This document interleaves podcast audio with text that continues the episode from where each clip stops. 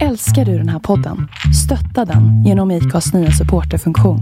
Det är helt upp till dig hur mycket du vill bidra med och det finns ingen bindningstid. Klicka på länken i poddbeskrivningen för att visa din uppskattning och stötta podden. I'm Sandra, and I'm just the professional your small business was looking for. But you didn't hire me because you didn't use LinkedIn jobs. LinkedIn has professionals you can't find anywhere else, including those who aren't actively looking for a new job but might be open to the perfect role, like me. In a given month, over 70% of LinkedIn users don't visit other leading job sites. So if you're not looking on LinkedIn, you'll miss out on great candidates like Sandra. Start hiring professionals like a professional. Post your free job on linkedin.com/achieve slash achieve today. Ever catch yourself eating the same flavorless dinner three days in a row? Dreaming of something better? Well, HelloFresh is your guilt-free dream come true, baby. It's me, Kiki Palmer. Let's wake up those taste buds with hot, juicy pecan-crusted chicken or garlic butter shrimp scampi. Mm. Hello Fresh. Stop dreaming of all the delicious possibilities and dig in at HelloFresh.com. Let's get this dinner party started.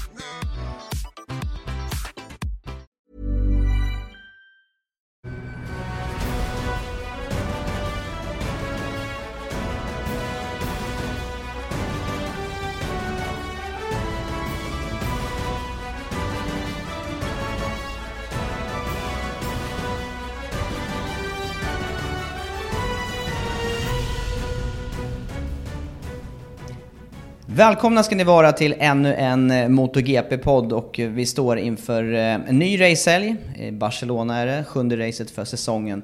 Andreas Mårtensson, först och främst, vi måste ju bara berätta hur vi sitter när vi spelar in den här podden. Vi sitter i kommentatorshytten här i Barcelona. Man har ju haft faktiskt sämre utsikt måste jag säga. Det är torsdag kväll. Racehelgen börjar imorgon. Solen håller på att gå ner, eh, det är lite bergigt över området. Depån ligger i skugga. Behaglig temperatur också här ikväll. Hoppas det håller sig också, för när vi kom här i eftermiddag så var det inte speciellt... eh, Det var inte tryckande varmt som det brukar vara när vi är i den här depån. Eh, Kom på för två år sedan när vi sprang runt och jagade Juan Mir på en intervju som vi hade bestämt med honom och bokat. Och då var det varmt. Och då var det dessutom så att vi inte hittade entrén, men det, går, det gick ju bättre idag. Entrén? Nej, det gjorde vi kanske inte. Nej. Vi hade ju någon konstig P-tillstånd vid det det. Vi tillfället. hade, på, vi hade ju parkering eh, två där ja, som gjorde att... eh, Nej, det var komplicerat. Ja, men nu är det alltså en, eh, en ny racehelg som väntar och eh, känns det bra? Jag tycker det. Det har varit ganska lugnt för min del sen Mugello. Vi var ju på plats där. Vilken stämning på söndagen. Helt otroligt. Ja, den, den är svårslagen. Den, den kommer man inte upp till. Den når man inte upp till nästan någon annanstans. Den, den ligger utanför det mesta måste jag säga. det, det gör verkligen det. Så det har varit bra och sen så är det skönt och kul att vara här igen. Det är tredje året i rad nu vi är i Barcelona och eh, alltid roligt att komma hit tycker jag. Bra kommentatorsbox, bra utsikt, eh, bra depå. Allting är på något sätt logistiskt ganska enkelt för oss som jobbar här. Vi har ju en fantastisk utsikt här då. Dels mittemot depåboxarna, det är eh, startlinjen eller mållinjen framförallt då precis nedanför oss och sen har vi eh, ja, ett, eh, några intressanta boxar mitt över också. Det tycker jag är intressant när man sitter och kommenterar för det finns faktiskt lite space att kika bredvid TV-skärmen här och se vad som händer på riktigt utanför, ban- utanför på banan. Ja exakt, vissa kommentatorsboxar ligger över boxarna så att säga, alltså över depåboxarna. Då ser man inte speciellt mycket. Man ser mållinjen som vi gjorde i Mugello till exempel.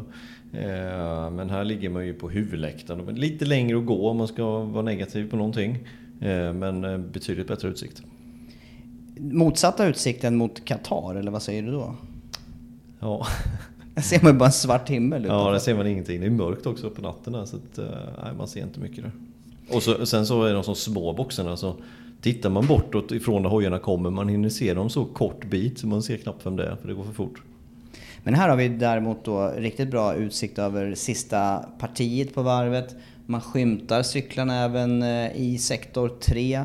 Ehm, Ja, och sen då den här maffiga, långa raka nedanför. Ännu en bana med, med hög toppfart som väntar. Ännu en bana med hög toppfart, precis. Även fast man... Eh, ut, alltså från början så ser man inte denna rakan som speciellt lång. Det är ingen bakrake, det är start och målrakan. Den är inte som Mugello, men den är ändå lång och sen så är det lite nerför också i slutet. Ja, tänkte vi skulle snacka om Mugello just och sedan även om mästerskapet i stort och, och lite mer ingående då inför den här racehelgen nummer sju i ordningen. Så om vi backar klockan nu då två veckor när vi var på plats då i eh, Toscana i bergen ovanför Florens. Eh, det var ju precis som du sa en fantastisk inramning som ja, den, den var ju under hela helgen, men om man, om man tar till racedagen där, eller vi kanske måste ta lite grann från kvalet också, för det var ju det var många förare som faktiskt hade problem under kvalet redan. Ja, bland annat Rossi hade ju stora problem och eh, även Dovizioso och Pirro tog sig inte vidare heller. Eh, problem där för Rossi under först FP3, sen misstag då under Q1. Ja, det, där, det, det, kändes inte, det kändes inte bra där för Rossi, just det misstaget under Q1 tycker jag. Där när han, eh, han åkte ut i sitt fönster så att säga då när han kunde sätta sitt varv. Men Eh, lallade lite helt enkelt i, i trafiken. Vill ha, eh, alltså han ville ha ett, ett ensamt varv, ett fritt varv. Alex Rins ville också ha det, de hamnade på samma bit asfalt. Och det varvet där, nu kommer jag inte ihåg exakt den varvtiden, men han slog ju av för mycket helt enkelt, Rossi, för att ehm, för att hinna runt och sen var han ju en sekund för sent där och då var ju den, det kört. Och han hann ju inte sätta ett enda bra varv utan startade, vad startade 18 Jättelångt ner. Då ska vi komma ihåg att backar vi klockan ett år, då stod han i pole position där. Ja, hur är det möjligt? Ja, det, det, det är knappt man tror att det är möjligt. Nej, det, det, det bevisar ju återigen också hur jämnt mästerskapet är. En bra dag, ja då är, går det bra. En dålig dag så behöver du inte vara femma, sexa som kanske för fem, sju år sedan utan ja, då är du 18. Det där gjorde ju också att för Rossis del så, så um, blev ju racedagen, det gick ju från illa till eh, jätteilla för han kraschade till slut i racet. Han körde ihop med Mir där i sin eh, försök till uppkörning och eh, ja, sen ville han nog lite för mycket. Han hade ganska bra pace där eh, jämförbart med toppförarna i racet just då, inledning på racet. Och sen så gick han omkull då i, var det Arabiata 2? Eh, sista snabbhögen där. Eh, ja, det är sånt som händer.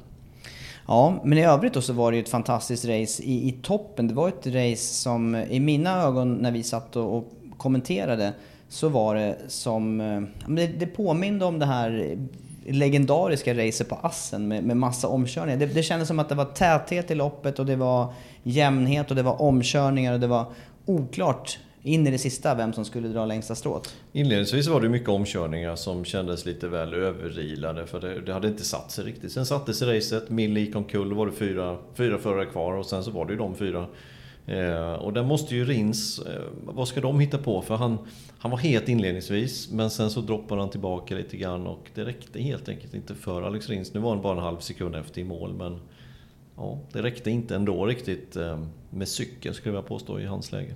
Nej, för skickliga, det har han ju visat många gånger under race-distans. Han, han, var en av de som, som körde om riktigt mycket under inledningen på loppet.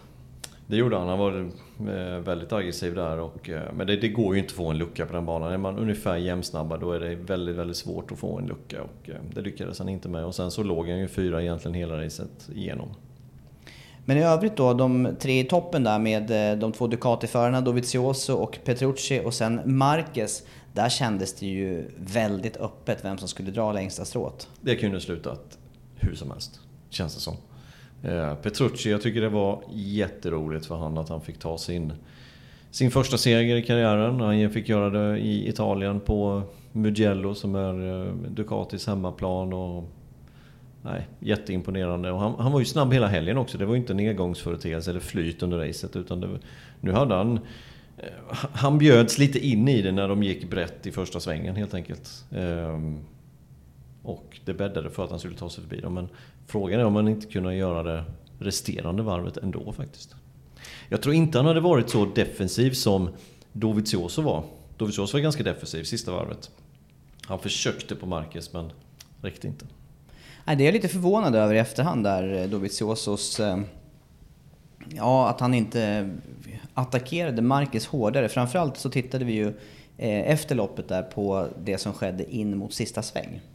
Ja, eh, och, och jag har för mig det vid magasinet därefter sa också att han borde liksom kunnat göra en attack där. Men ja, Sen så kom vi hem och jag tittade på det några gånger till det här sista varvet. Eh, att sätta, sett dem i liksom alla vinklar. Eh, ombordkameror från alla förarna, alla tre förarna där i täten, även från Alex Rins. Och jag tycker man ser ganska tydligt att Marquez, han kör inte för segern. När han vet att det är Petrucci som är etta, då kör han inte för segern längre. Då kör han för att hålla Dovizioso bakom sig.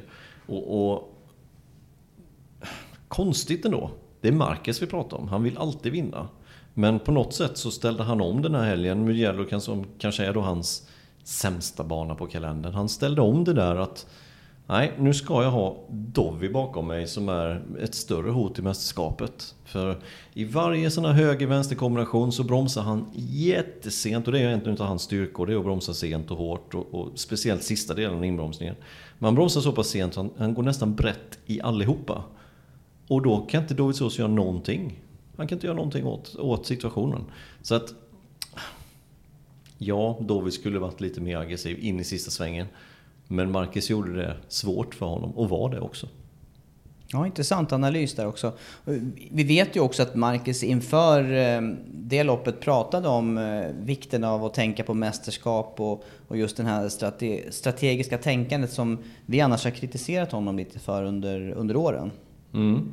Och då, då visade det sig att han höll det då ändå i, eh, i racet här. Och, och lik förbenat så är han bara 43 000 efter segern.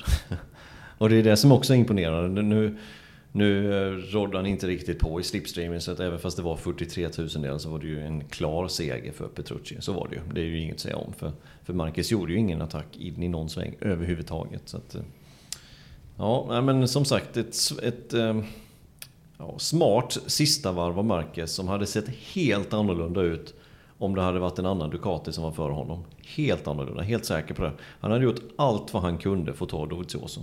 Inget snack om den saken. Men nu var det tvärtom. Ja, han lät Petrucci... Kan man säga det? Han lät Petrucci vinna. Det, är ju inte säkert att det var på det sättet. Men han, han i alla fall, han försökte inte. Nej, det, jag, jag är mer inne på den sista slutklämmen där, att han faktiskt inte försökte. Vilket han med, san, med stor sannolikhet, eller kanske till och med säkert, skulle ha gjort om det var Dovizioso som ledde. Absolut. Utan tvekan. Jag är helt säker på att han hade försökt. Och, och, och, sen så hade ju inte heller Dovizioso riktigt farten, förutom in i kurva 1. Där var han superbra, superhård på bromsarna, jättebra.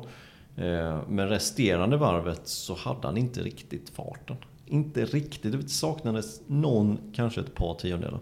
Jämfört med Petrucci. Men om vi tar just det här eh, tillfället då, ut på sista varvet, in i första sväng, där faktiskt Dovizioso då attackerar för ledning eh, och eh, trycker sig innanför Marcus där.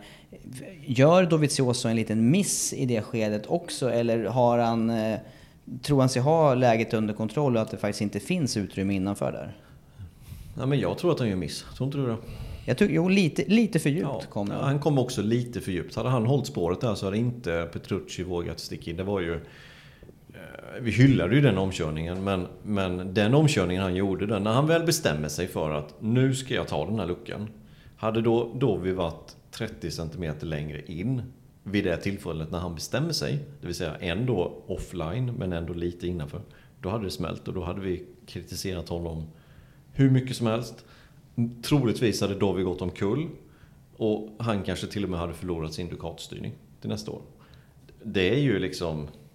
Små marginaler. Ja, det är extremt små marginaler. Han, eh, ja, han, han, gjorde ändå den här, det här försöket och så efterhand var det ju jättebra och det var ju en lysande omkörning i helt rätt läge men det var...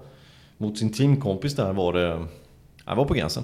Att det skulle lyckas. Men vi ska ju också komma ihåg att Petrucci har varit under ganska hård press här inledningsvis på säsongen och än mer uttalat härifrån Ducati då att man någonstans här runt Barcelona kommer att ta ett beslut kring, eh, kring fortsatt styrning och, och fighten mellan Petrucci och Miller den har ju den, den, har ju på något vis känts här under våren i, i racen. Ja, men det har den gjort. För, för Mille har ju eh, kanske överpresterat på det materialet han sitter på och visat att han gärna vill vara med och ha den här fabriksstyrningen. Eh, sen har väl ändå Petrucci fått arbeta lite i lugn och ro och sådär. Och eh, ändå känns ganska säker. Men som sagt, det blåser upp massa rykten där ett tag för ett par, tre racen. Och jag tror att den här Mugello-helgen avgjorde för hans fördel faktiskt Petrucci. Jag skulle inte bli förvånad om det kommer en pressrelease här imorgon, kanske under fria träningarna, att han har förlängt ytterligare ett säsong till exempel. Det, det, det tror jag bara är en eh, tidsfråga. Intressant före tycker jag för övrigt här, Petrucci, som eh, vi har sett under många år i depån här och som verkligen har jobbat sig till sin styrning på en lite annorlunda väg än de allra flesta. Han, han kom ju faktiskt från stockracing, alltså standardcyklar och ett, en mästerskapstitel där för ungefär tio år sedan. Ja, och sen så in då på undermåligt material i MotoGP och sen så sakta men säkert fått mer chanser, kom in i Pramac Ducati Eh, och sen höll jag ju på att slås ut av Scott Redding också. De hade ju en intern fight också, vem som skulle få fabriksmaterial. Eh, och det blev ju Petrucci till slut. Och ja, det har ju, det har ju varit på det berömda håret hela tiden. Nu sitter han i en fabriksstyrning som är, ja, kanske den bästa på, på griden. En utav dem åtminstone.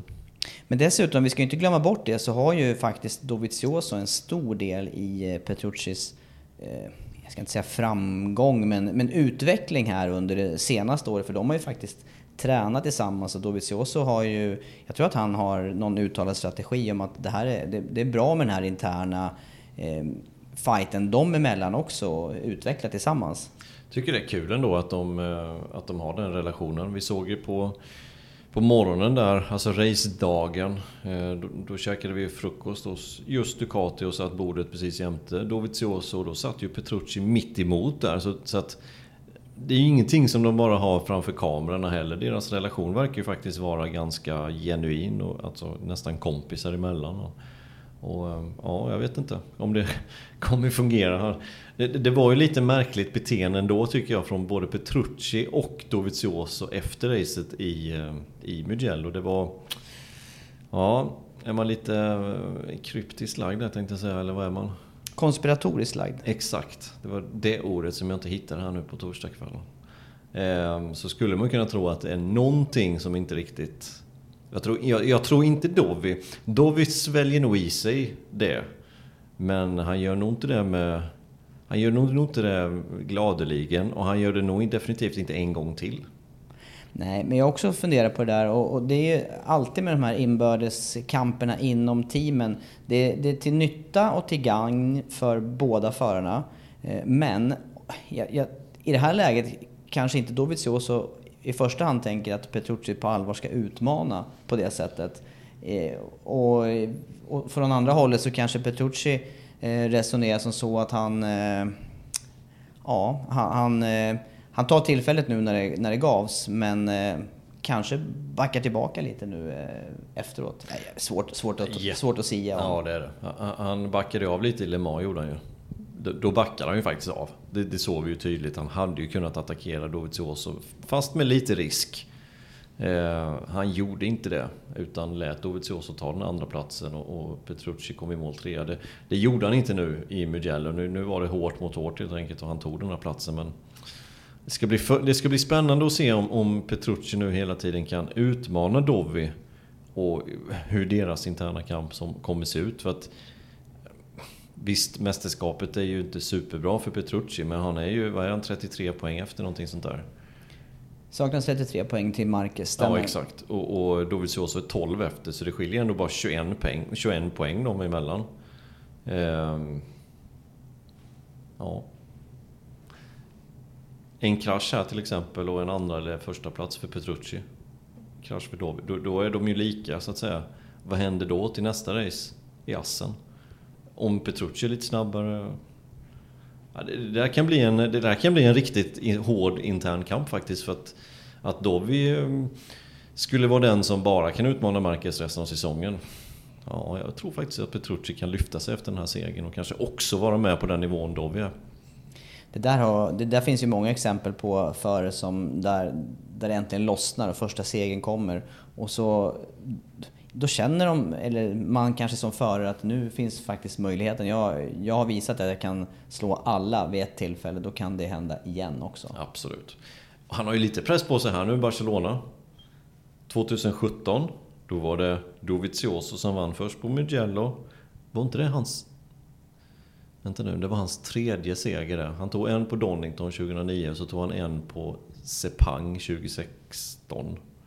Och sen vann han ju här då. Det var hans tredje seger i karriären som han tog eh, på Mugello den gången. Sen kom ju fjärde segern direkt här i Barcelona. Förra året så var det likadant för Lorenzo. Första Ducati-segern på Mugello. Backade upp den med seger här i Barcelona. Och så Petrucci då som tog sin första seger. Eh, han har ju... han har faktiskt alla möjligheter att kunna vinna här på söndag. Det har ju visat sig vara en, en bana där det krävs mycket effekt. Och du sa det innan här i inledningen på, på podden att eh, den här raksäcken ser inte så lång ut och så effektkrävande. Men det blir ju det när, när det blir toppfarter upp mot 350 km i timmen. Även om de här hojarna är extremt snabba i acceleration. Ryan Reynolds här från Mint Mobile. Med priset på nästan allt som går upp under inflationen, trodde vi att vi skulle bring våra priser down. So to help us, we brought in a reverse auctioneer, which is apparently a thing. Mint Mobile unlimited premium wireless. Ready to get 30, 30, bit to get 30, bit to get 20, 20, 20, bit to get 20, 20, bit to get 15, 15, 15, 15 just 15 bucks a month. So, Give it a try at mintmobile.com/switch. slash $45 up front for 3 months plus taxes and fees. Promo for new customers for limited time. Unlimited more than 40 gigabytes per month slows. Full terms at mintmobile.com. Hiring for your small business? If you're not looking for professionals on LinkedIn, you're looking in the wrong place. That's like looking for your car keys in a fish tank. LinkedIn helps you hire professionals you can't find anywhere else, even those who aren't actively searching for a new job but might be open to the perfect role. In a given month, over 70% of LinkedIn users don't even visit other leading job sites. So start looking in the right place. With LinkedIn, you can hire professionals like a professional. Post your free job on linkedin.com slash achieve today. Hey there, it's Michelle Norris. I'm host of a podcast called Your Mama's Kitchen. When I travel, I'm usually looking for a way to find a taste of home when I'm not at home. And one of the things I love to do when I am at home is entertain. And Airbnb allows me to do that. When I was in California recently, I rented a house that had a great kitchen. And when we were sitting around the table, we we're all thinking, we're in someone else's house. Someone could be in all of our homes as well. If you have a home, but you're not always at home, you have an Airbnb. Your home might be worth more than you think. Find out how much at airbnb.com slash host. Förhållandevis likvärdiga också så, så blir de här små skillnaderna blir ju stora på de här riktigt långa raksträckorna. Ja, ja men så är det ju. Ja, Mugello, det var en, eh, en eh, ordentlig fight de här tre förarna emellan och så Rins då i släptåg på fjärde där och eh, topp fyra då inom en halv sekund. Eh, tittar man då sen på VM-ställningen och VM-utvecklingen, vi var inne lite grann på det nu här med eh, poängställning och eh, bakom Marcus. Marcus har 115 poäng, han har fyra pole positions, tre segrar. Så det är Dovi då 12 efter, det är Rins 27 bakom och sen Petrucci 33 efter.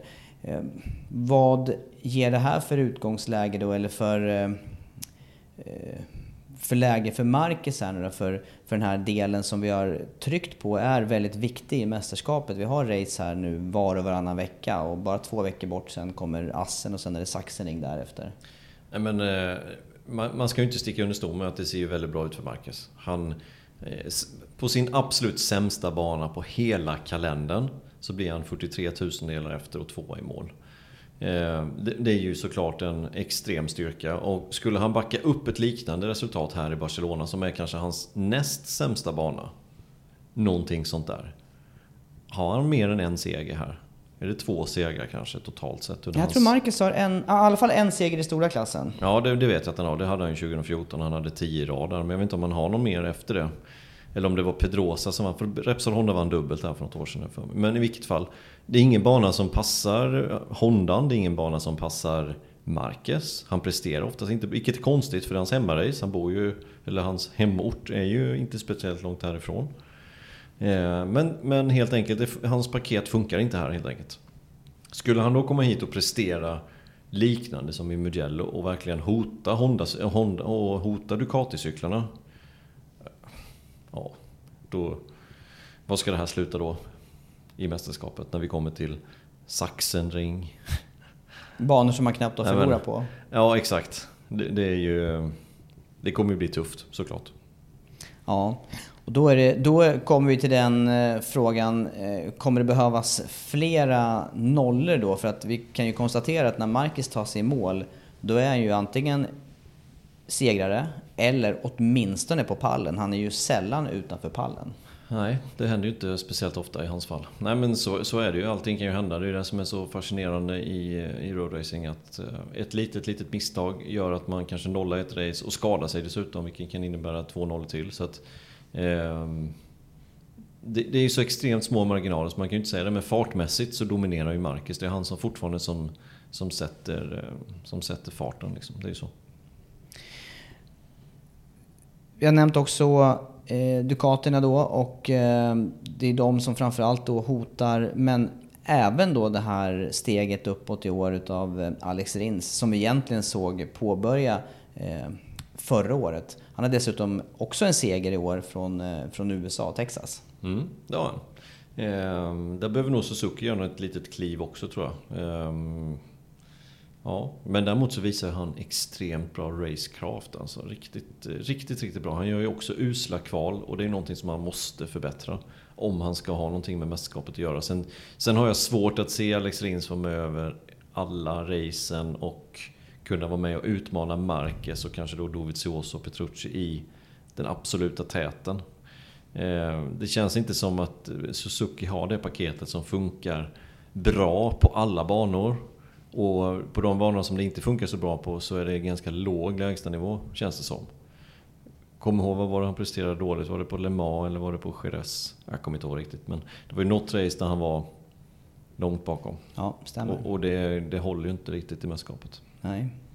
Nej, Suzuki som sagt var. Men märk väl, vi har inte nämnt Yamaha särskilt mycket här och eh, hur är egentligen läget för Yamaha och deras två förare då, Vinales och Rossi? Jag tycker du ska ta den pucken istället för att eh, du har ju precis intervjuat eh, teamchefen där, Lin Jarvis. Ja, stämmer. Och han utvecklar just det där lite mera då med, eh, med de här två förarna.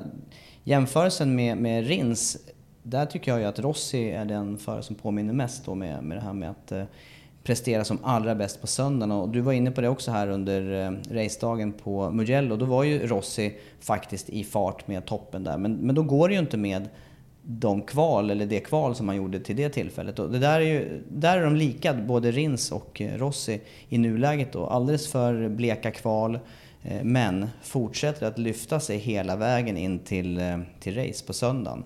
Och för Rossis del där så... Jag tror i nuläget så tror jag ändå att det är, även om det går tungt för båda förarna, så tror jag ändå att det är viss fördel för Rossi, för han har kört så många år racing så att han har lättare att se att efter någon dal så kommer en topp. Och Vinales tror jag är mer frustrerad i nuläget. Ja, det kan jag hålla med om. Ehm, däremot så presterar det ju bra. Alltså farten finns ju hos Vinales när det väl stämmer. Men sen så får ju, får ju få ihop allting verkar inte riktigt fungera för hans del just nu. Eh, och det var ju på Le Mans, då var han ju, han var ju jättesnabb. Det var, han var ju den enda som hade den farten som Marcus hade. Men som sagt, dåligt kval. 11 vill jag för mig och sen så gick det bakåt och sen blev det krasch till slut. Då. Så att, det finns lite att fundera på. Men samtidigt gör ju Yamaha en stor satsning, eh, en en klart, ett klart lyft i sin satsning tycker jag till den här säsongen då i och med Petronas-teamet också. Två vassa förare där med Morbidelli och Cartararo, eller Quartararo då som vi äntligen har, eller som jag äntligen har landat i uttalen med. Eh, där de i alla fall, de matchar varandra fartmässigt och eh, skulle ju faktiskt kunna hota någon eller båda fabriksförarna om styrning framöver i fabriksteamet. Ja, det, det, kan de säkert, men jag tror inte att det är någonting på tapeten just nu. Det tror jag inte. Tror men, du det? Nej, det tror jag inte. Det är ju... Ja, det beror på hur tidigt man är igång med kontraktsskrivande, men för Rossis del så tror jag att eh, där handlar det mer om om han bestämmer sig för att sluta. Eh, annars så tror jag att Yamaha kommer att förnya för att man, han är så pass stort namn. Ja, och de har ju kontrakt över nästa säsong också, ska vi ju tillägga här. Och för Vinales del, där kan det ju vara lite mera frågetecken. Framförallt om den här, eh, om den här negativa spiralen fortsätter och han eh, inte finner sig till rätta eller han har ju bytt eh, crew chief till exempel till i år. Och, ja, han kanske liksom vill slå sig någon annanstans helt enkelt. Ja, det kan ju vara så. Men, men sen å andra sidan så, alltså Yamaha kommer komma tillbaka. Det, det är egentligen bara en... De, de, har ju hamnat lite på efterkälken, så, så enkelt är det ju. Och eh, de tog en seger förra säsongen, de har ingen seger denna säsongen. Så det är klart att de har hamnat lite efter. Men eh, alltså jag är helt säker på att de kommer komma tillbaka. Det är bara en fråga om när egentligen.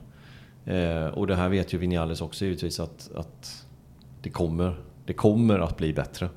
Det var ju bara några år sedan de blev etta två i mästerskapet och det var den berömda säsongen 2015 när det var världskrig på alla möjliga fronter med Marquez bland annat och, och, och Rossi. Men då var de etta två så att det kommer. Frågan efter, är när. Efter regn kommer solsken eller vad säger man? Ja, och frågan är om de verkligen... Av kommentarerna från förarna att döma så känns det som att de inte riktigt har brukat riktigt allvar. Kan man, kan man uttrycka det så? Att Yamaha inte brukar Ja, exakt. För de säger ju det är samma problem hela, hela, hela, hela tiden. Som de har sagt nu i, i två års tid. Och eh, det kanske börjar liksom komma mot en lösning i och med att de säger de här sakerna hela tiden. Ja, och eh, ett steg framåt tänker jag är ju det här med satsningen då med Petronas, med ett europeiskt testteam och utve utveckla den verksamheten också. Ja, och, och, det är ju någonting som de har börjat med från och med denna säsong. De har ju haft Yamaha-team förra året också men inte satsat lika mycket. Och det är klart att det tar längre tid än sex race än att, att skörda de investeringarna såklart. Så att när vi sitter här om ett år igen inför Barcelona-racet så kan det se helt annorlunda ut. Då kanske Yamaha är det märket som har vunnit två, tre segrar. Alltså, det var bara två år sedan som Yamaha hade tre segrar de första sex racen. Så att, ja. Ja, vi får blicka framåt då, men vi kan ju börja med att blicka framåt då till eh, den här racehelgen som vi nu står inför då. Barcelonas Grand Prix, alltså Circuit i Catalunya. Sjunde racehelgen för säsongen och eh, vi har snackat förra racet, Mugello. Vi har snackat eh, VM-tabellen. Och nu då inför den här helgen och FP1 som närmast väntar. Eh, vad tror du att man ska hålla extra utkik efter i inledningen på helgen här? Petruccis fart och Marquez fart. Eh, de två tror jag kommer vara de som eh, presterar ganska bra inledningsvis av helgen. Sen Dovi såklart. Eh, sen ska det bli kul att se om Miller kan fortsätta på sin fart som han hade. Eh, även Yamaha. Eh, det är inte helt omöjligt att de kan vara med högt upp på träningar. Eh, faktiskt inte. Det här är en bana som båda förarna trivs på. Tittar man på bankaraktären då, vi har snackat den här långa raksträckan över en kilometer lång. Och sen de olika sektorerna här då, vad kan man säga kännetecknar banan? Du körde ju själv eh, för att påminna dig själv om bansträckningen så körde du ombordvarv här förra året. Mm. Ja, jag har faktiskt eh, varit här ganska mycket och kört och, och raceat här dessutom. Och, eh, men det är en, eh, ett ganska bra flyt i banan. Det var det i alla fall när, man, när jag körde. Sen så tycker jag inte om den här nya kurva 10 som viker tillbaka mer än 90 grader. Alltså den efter bakrakan. Eh, krånglig sväng, hård, jättehård inbromsning. Annars är det flyt i hela banan egentligen. Och nu har man ju byggt om de två sista svängarna, eller gått tillbaka till den ursprungliga bansträckningen där, vilket jag tycker är bra. Och eh, sen är ju min absoluta favoritkurva på hela kalendern, den är ju här, det är ju kurva 3. Det går inte att säga annat. Det är häftigt att se hur förarna ställer ut cyklarna där det är evighetslånga sladdar genom det. Det är ju det. Först är det ju höger, sen är det ju snabbt vänster och sen är det den här långa, långa högersvängen som som leder bortåt. Och, ehm, ja, där går det att köra med armbåge och alltihopa i. Hade inte du något sånt personligt, eh, var inte det något sånt första minne för dig? Jo, visst. Första gången armbågen tidigare. Ja. Men eh, just den här kurva 10 då, det är åtminstone... Den tar bort rytmen, det förstår jag också. Och Mugello, extremt rytmisk bana. Ingen egentlig, eh, inget ställe där egentligen går riktigt långsamt.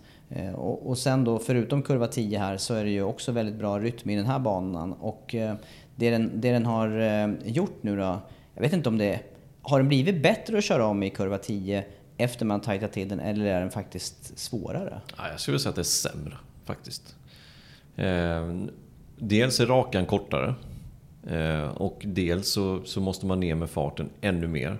Eh, jag, tror, jag tror faktiskt det var enklare förr när man körde gamla kurva 10 eh, än att köra den sträckningen man gör nu. Men ja, strunt samma, alla ska köra den vägen och, och det är som det är. Var ska man avgöra race då? Eller vad, vad är det som kommer att avgöra under eh, loppet? Eller finns det några speciella ställen på banan där det kan bli avgörande i, i de här eh, race-duellerna? Nej, men, eh, sista stället att riktigt köra om på det är just i kurva 10. Eh, göra en sån omkörning som Ross gjorde på Lorenzo för 10 år sedan in i sista svängen. Det, det ja, jag ska inte säga att det inte går, men det, är extremt svårt att göra med dagens cyklar och dagens täta racing som det är. Och köra om på det sättet. Så det tror jag inte på, utan det är just där kurva 10 kanske knö sig förbi upp mot eh, ja, kurva 12 blir det väl då, den här högersvängen. Sen är det nästan kört efter det. Ehm, så den bjuder ju inte direkt på sådär sista svängen dramatik den här banan, den är ganska snabbt ut på raksträckan. Men ehm, sista två åren då har vi sett ganska, inte speciellt täta race här. Utan det har varit en liten lucka. Förra året var det Lorenzo som hade en bra lucka ner till Marquez och sen så kraschade ju Dovi på racet. Och, ja, eh, jag hoppas få se lite tätare race här än vad jag har sett de senaste två åren. Och sen också då för att understryka vikten av hela helgen här. Du var inne på det här med vilka förare som har farten uppe från början. Och sen har vi den här ultra superviktiga lördags eftermiddagen med kvalen där man då först och främst då har kanske skaffa sig plats direkt i Q2 genom de första tre fria träningarna. Men också då de förare som är med i Q1 måste ju verkligen vara på tårna för att ta sig vidare till topp 12 och verkligen kunna slåss om startpositionerna. Ja, det gäller att vara med redan från början imorgon och eh, undvika att vara utanför topp 10. För allting kan hända på... Alltså vi vet ju det, lördag morgon, det kan, det kan vara lite instabilt väder. Nu ska det inte vara det den här helgen men, men eh, ibland är det lite sämre förutsättningar och då måste man vara med från början. Är det bättre förutsättningar så måste man ut och nästan köra ett kval redan på FP3 Få ta sig vidare. Extremt viktigt. Eh, åtminstone för de som ligger sådär på gränsen och då tänker jag på främst Yamaha och Suzuki. Eh, det är superviktigt, för vi vet att eh, Marke som han skulle missa Q, eh, Q2, vilket jag vet inte ens om det har hänt någon gång, men han, han kan säkert reparera det och även Dovi Petrucci till viss del. Eh, men däremot tror jag att Suzuki och Yamaha är extremt noga att de tar sig vidare. Ja, och väderförutsättningarna som du var inne på här i början på podden. Det är eh, betydligt lägre temperaturer än både under fjolåret och året dessförinnan. Eh, och det ser inte ut att bli så höga temperaturer under den här helgen och förhoppningsvis då uppehållsväder hela helgen. Skönare för oss som ska jobba här. Absolut. Ska vi nämna också att Lorenzo har varit i Japan? Det tycker jag. Och han drog till Japan direkt efter senaste racet för att få lite bättre ergonomi på cykeln till att börja med. Ja, Lite förvånande då att han drar ända till Japan för att lösa det där och inte kan lösa det med teknikerna på banan. Eller? Visst är det det. Ja, jag blir också förvånad. Det borde man ju kunna komma framåt till. Men vi har ju sett allehanda lösningar. Han jobbar ju även med det under eh, fjolåret och säkerligen ytterligare ett år innan hos Ducati också. Ja, och det börjar ju bli så smått dags för Lorenzo att börja prestera. Verkligen. Han har press på sig också. Ja, det har han faktiskt. Ja, ni eh, hör själva. Det finns mycket att hålla utkik efter under den här sjunde racehelgen för året, Circuit i Katalonien. Nu börjar solen gå ner här bakom bergstopparna och eh, vi blickar ut över en, än så länge, lugn depå. Men imorgon så, så smäller det igång här alltså och eh, ni följer oss precis som vanligt under eh, racehelgerna via Play och via Satt Motor. Vad tänker du Andreas? Ska du inte berätta vad du ska göra imorgon eftermiddag?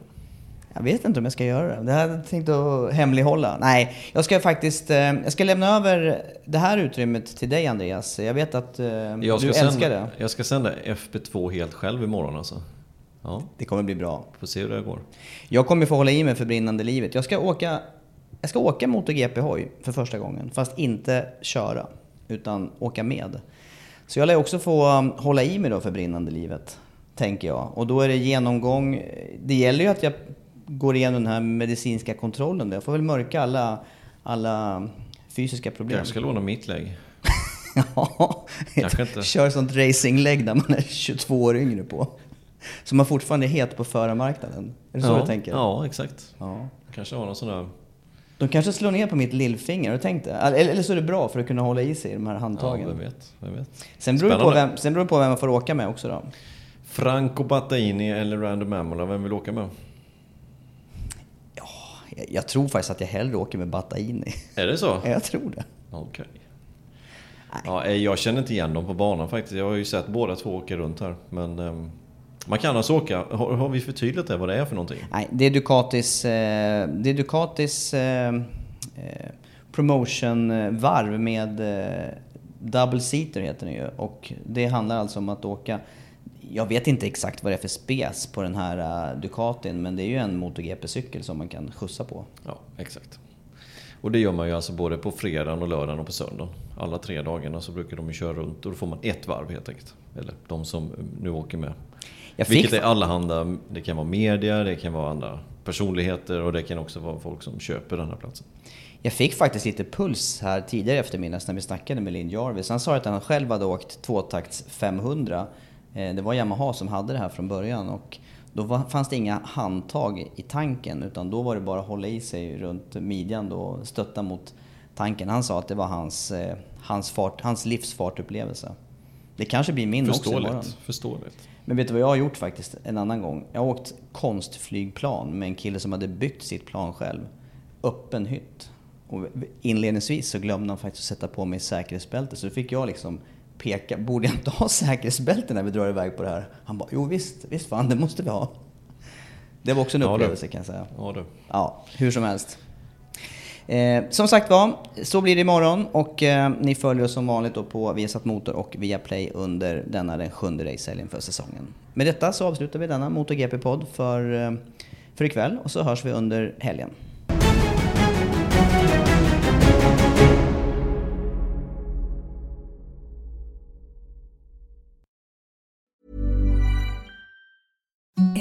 The softest sheets you've ever felt. Now imagine them getting even softer over time. That's what you'll feel with Bowl and Branch's organic cotton sheets. In a recent customer survey, 96% replied that Bowl and Branch sheets get softer with every wash. Start getting your best night's sleep in these sheets that get softer and softer for years to come. Try their sheets with a 30-night guarantee. Plus, get 15% off your first order at bowlandbranch.com. Code BUTTERY. Exclusions apply. See site for details.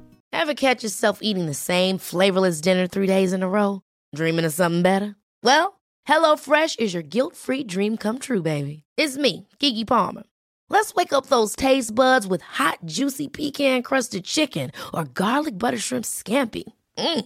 Hello Fresh. Stop dreaming of all the delicious possibilities and dig in at HelloFresh.com. Let's get this dinner party started.